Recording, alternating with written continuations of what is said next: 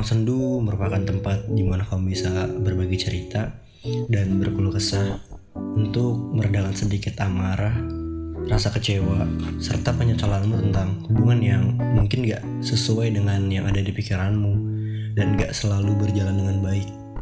Selamat datang di Ruang Sendu.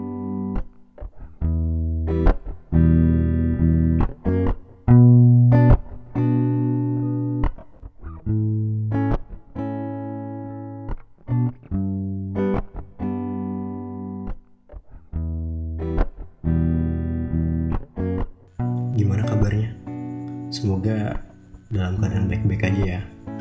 Dan untuk kalian yang lagi kurang baik, semoga lekas membaik ya. Sebelum aku masuk ke ceritanya, mungkin ada beberapa hal yang ingin aku sampaikan. Kali ini kita udah masuk ke bulan Ramadan di tengah pandemi virus COVID-19. Aku berharap kalian pada di rumah aja. Pokoknya stay safe semua dan buat yang biasanya tiap tahun berbareng teman atau keluarga di luar rumah lebih baik ditunda aja dulu. Soalnya takut ntar penyebaran virus COVID-19 semakin cepat. Pokoknya selalu lakuin hal positif dan selalu di rumah biar pandemi ini segera berakhir. Oke deh jadi kali ini ada cerita dari salah satu mahasiswa di salah satu universitas. Kita samarin aja namanya jadi Budi. Uh, jadi dia ngirim ceritanya lewat email aku bacain ya. Aku mahasiswa dari salah satu universitas di Samarinda dan kebetulan aku sama Gina satu kampus. Jadi awal aku kenal Gina dari salah satu program kampus yang ngepromosiin kampus ke anak-anak SMK itu awal aku ngeliat Gina di salah satu SMA jadi aku satu kelompok sama Gina buat promosiin kampus di salah satu kelas. Awal mula aku kenal sama Gina mulai dari nanya-nanya jurusan dan kebetulan hari itu hari Jumat.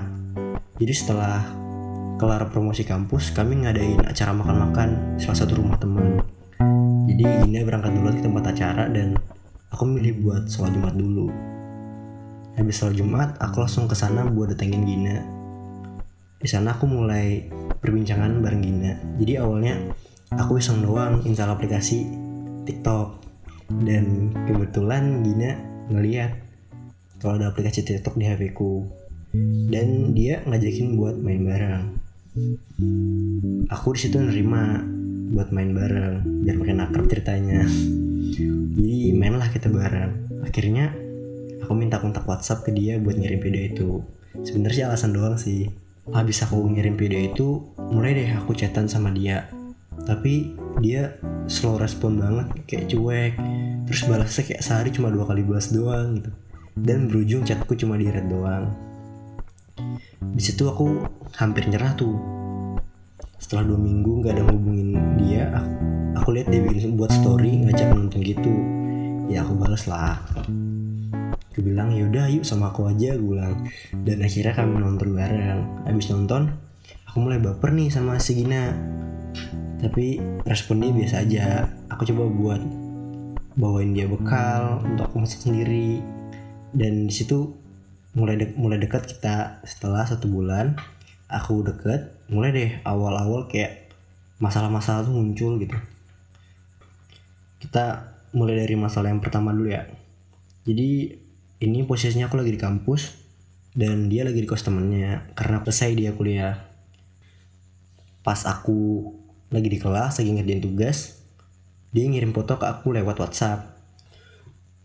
Dan biasanya kalau di WhatsApp itu di ujung foto ada tulisan abu-abu. Foto itu dikirim ke siapa. Di situ posisinya aku dikirimkan dia foto. Baru di ujung itu ada tulisannya abangku yang di screenshot dia kayaknya di screenshot sih. Jadi di situ aku mulai curiga. Aku coba aja masih nggak nggak mau marah-marah nggak baca itu lewat chat. Aku coba buat datengin dia ke kos temannya. Pas aku sampai kos aku langsung ambil HP dia buat baca chatan dia sama abangnya. Jadi awalnya dia nggak mau ngasih HP itu ke aku. Setelah aku maksa akhirnya HP-nya aku ambil. Dan aku baca chat dia pakai lop-lop segala. Dan itu mesra banget lah lebih mesra daripada chatan ke aku. Soalnya kalau dia ngechat ke aku kayak cuek-cuek gitu. Nah di situ aku nyuruh tuh dia buat milih kamu milih abangmu atau aku? Bilang. Tapi dia bingung jawabnya.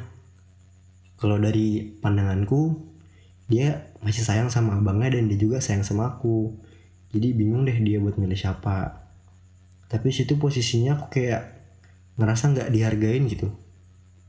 Aku udah deket sama dia tapi malah chatan sama cowok lain gitu. Dan pada akhirnya aku ngalah. Dan aku bolehin dia buat chatan sama abangnya tapi jangan terlalu besar kayak gini setelah masih masih masalah itu udah selesai tuh. Itu sekitar jam 5 aku mutusin buat pulang. Pas aku sampai rumah sebelum maghrib dia tiba-tiba ngechat ngechat aku. Katanya aku mau jalan sama yang kau marah tadi abangku. Jam 9 nonton di salah satu mall yang di Samarinda. Di situ aku marah banget. Jadi aku langsung datangin ke rumah dia. Habis maghrib itu hujan-hujan dan bajuku basah kuyup aku ke rumah dia tapi motor dia udah nggak ada. Tinggal motor abangnya tinggal di rumahnya. Dia jalan pakai motornya dia. Dan aku inisiatif dong buat pergi ke mall, mall yang dia nanti nonton. Dan pas aku sampai sana dia udah nggak ada. Akhirnya aku mutusin buat nelpon. Aku tanya, kamu di mana? Dan dia bilang, aku lagi jalan sambil ketawa-ketawa bareng abangnya tuh. Posisinya dia lagi ketawa-ketawa. Dari telepon aku dengar, abangnya bilang, udah-udah matikan teleponnya. Dan dia matikan teleponku sambil ketawa-ketawa. Di situ posisinya aku lagi stres tuh. Lagi nungguin dia dan dia malah asik-asikan sama abangnya. Gak mikirin perasaan gue gimana. Setelah aku telepon itu, kayaknya dia matiin HP-nya soalnya chatku nggak lift ke dia mungkin dia kayak kayaknya nggak mau diganggu gitu setelah dia masalah itu selesai hmm, aku udah mulai nggak udah mulai nggak marah kan ke dia. Terus aku bilang lagi kamu bisa nggak? Nggak usah jalan berdua sama abang. Kalau bertiga atau berempat boleh lah tapi jangan berdua. Terus dia bilang nggak bisa katanya. Dan pada akhirnya aku dengan gobloknya aku ngebolehin dia jalan sama abangnya berdua. Karena kalau nggak aku aku nggak bolehin dia dia bakal ninggalin aku dan abangnya. Pokoknya aku ini udah sayang banget gitulah bolehin ya nggak apa-apa lah jalan berdua asal nggak lebih dari teman gitu kan. Udah nih masalahnya aman. Nah udah aman tuh nanti ke masalah ketiga. Jadi selama kita deket dari awal sampai kita jalan terus dia selalu telepon sama cowok yang dikontak HP-nya namanya Bima.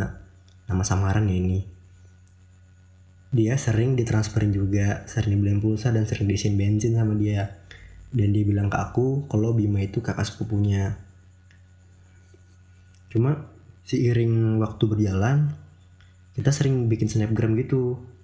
Terus Bima uh, komen di snapgramnya kok aku nggak suka ya? kata Bima. Di situ posisinya aku lagi megang akunnya si Gina. Jadi ya aku coba ngaku story aku berdua sama Gina setelah itu pas banget tanggal 6 Maret pas dia ulang tahun aku surprisein dia. Jam 12 malam aku ke rumah dia ngantar kue dan besoknya aku ngajak dia buat jalan. Ternyata dia nggak bisa. Aku tanya kenapa kamu nggak bisa jalan? Dibilang ada acara keluarga di salah satu karaoke di Samarinda buat ngerayain ulang tahunku. Situ bosnya aku ya udahlah nggak apa-apa. Jalan nggak jalan sama aku tapi jalan sama Karbu nggak apa-apa aku bilang. Setelah itu aku ngeliat snapgram dia dan dia dikasih kado sama Bima. Yang katanya kakak sepupu. Dikasih kado jam Daniel Wellington yang harganya kalian tau lah. Situ aku tanya dia jadi kasih jam dari siapa? Dia bilang dari kakak sepupunya. Jadi nggak apa-apa tuh. Terus semakin lama aku kenal sama dia kok makin ke sini Bima mungkin kayak benci banget sama aku dari balasan snapgram dia.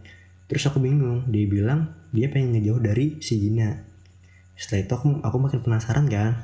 Siapa sebenarnya Bima ini kok cemburu aku dekat sama si Gina? Kalau kakak sepupu kan gak mungkin cemburu. Aku coba nanya ke teman-temannya Gina sebenarnya Bima ini siapa? Terus temennya bilang ke aku kamu dikasih Gina Bima itu siapa? Terus aku bilang kakak sepupunya. Terus dia bilang mending kamu langsung nanya aja ke Gina soalnya aku gak enak sama Gina dari situ aku udah mulai curiga kan sebenarnya siapa sih? Terus aku nanya lah ke Gina siapa sebenarnya Bima? Siapa? Terus dia bilang Bima ini kakak kakakanku saat itu aku marah banget kan. Sehari dia udah nolak ajakan jalanku buat ketemu sama Bima yang pengen ngasih surprise ke Gina. Di salah satu karaoke bersama orang tua Gina dan sepengetahuanku sih. Dan aku dikasih dari teman-temannya di situ dia dilamar dan aku akhirnya masih menerima itu dari awal. Udah clear nih masalah nih. Aku udah gak apa-apa. Aku udah gak apa-apa lah dia kayak gitu. Setelah itu masuk ke masalah ketiga. Dari awal kita kenal sampai masuk ke empat bulan dia selalu ngebahas tentang mantannya dia dia selalu menyangkutkan apa pun yang kita lakukan ke, ke mantan dia. Pokoknya everything is about her act lah sudah mulai sampai di bulan kedua setiap kita ke mana pun dia pasti ngebahas mantannya. Di situ aku mulai munyak kan dan aku akhirnya bilang ke dia buat jangan bahas mantan di depanku. Dan pada bulan keempat dia masih aja bahas mantan. Dan akhirnya aku cuekin dia nggak heran dia. Terus aku pulang terus aku telepon dia. Dia bilang dia lagi nge-backup foto ke laptopnya. Ya aku tahu sih sebenarnya di HP, di HP dia masih banyak foto-foto dia sama mantannya mungkin dia di laptop itu bakalan nyimpan foto-foto dia sama mantannya. Dan di situ posisinya udah jam satu malam. Aku bilang aku tidur duluan ya besok pagi aku ada ada kelas bilang. Uh, terus besok paginya aku nggak sengaja buka IG dia. Dan aku ngeliat di second akun dia baru dia nggak upload semua foto dia sama mantannya. Di situ di situ aku kaget dong. Ngapain dia ngupload foto saya ke ngupload foto mantannya ke second akunnya aku nanya ke dia kok kamu upload fotomu sama mantanmu? Terus dia bilang aku cuma pengen ngarsip foto itu. Di situ posnya setelah dia upload semua foto tiba-tiba insta second instagramnya keluar sendiri dan dia lupa passwordnya. Jadi gak bisa arsip. Jadi situ aku marah banget. Menurutku gini kalau mau simpen di laptop ya ya udah simpan aja nggak usah diupload ke Instagram buat apa? Aku kan aku nanya dia bilang nggak maksud apa apa katanya. Coba coba kalian pikir ya ngapain dia ngupload IG cuma buat tersip doang? Dan itu posisinya dia lagi dia udah lima bulan putus sama mantannya. Dan dia posisinya sekarang lagi ngejalanin hubungan sama aku. Ya aku ngerasa kayak nggak dihargain gitu. Di situ dia sama aku milih buat break tiga hari setelah masalah itu biar aku dan dia tenang dulu. Setelah kita break akhirnya aku milih buat udahan. Karena aku udah sakit hati banget. Setelah kita udahan dia sakit sakitan. Dan dia bilang mau berubah dan masih sayang. Udah aku mutusin buat balikan lagi ke dia. Setelah ngejalanin pas balikan ini aku ngerasa udah kayak beda banget udah terlanjur sakit hati.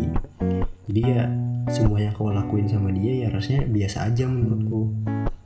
Terus aku udah berjuangin apa pun yang dia mau aku turutin tapi dia ngerasa masih kurang dispesialkan. Aku udah mulai banyak lagi sebenarnya dan sekarang aku mutusin buat udahan sama dia. Sebenarnya aku pengen cari pasangan yang bisa nemenin aku satu satu pun senang. Jadi ya semoga kisahku ini bisa menginspirasi kalian agar nggak terjebak di lubang yang sama sama aku. Semoga hubungan kalian baik-baik aja. ya. Jangan sampai kalian ngalamin hal yang sama kayak aku. Walaupun sayang banget sama pasangan kalian, kalau emang udah nggak tahan ya lebih baik dilepasin aja. Karena yang terpenting dalam hubungan itu kenyamanan. Kalau emang udah nggak nyaman, ya udah lebih baik kalian tinggalin, jangan dipaksain. Tapi kalian harus berusaha dulu buat ngerubah. Kalau misalnya dia emang gak bisa dirubah ya, ya udah lepasin karena if you love someone set them free. Uh, kayaknya sekian cerita dari aku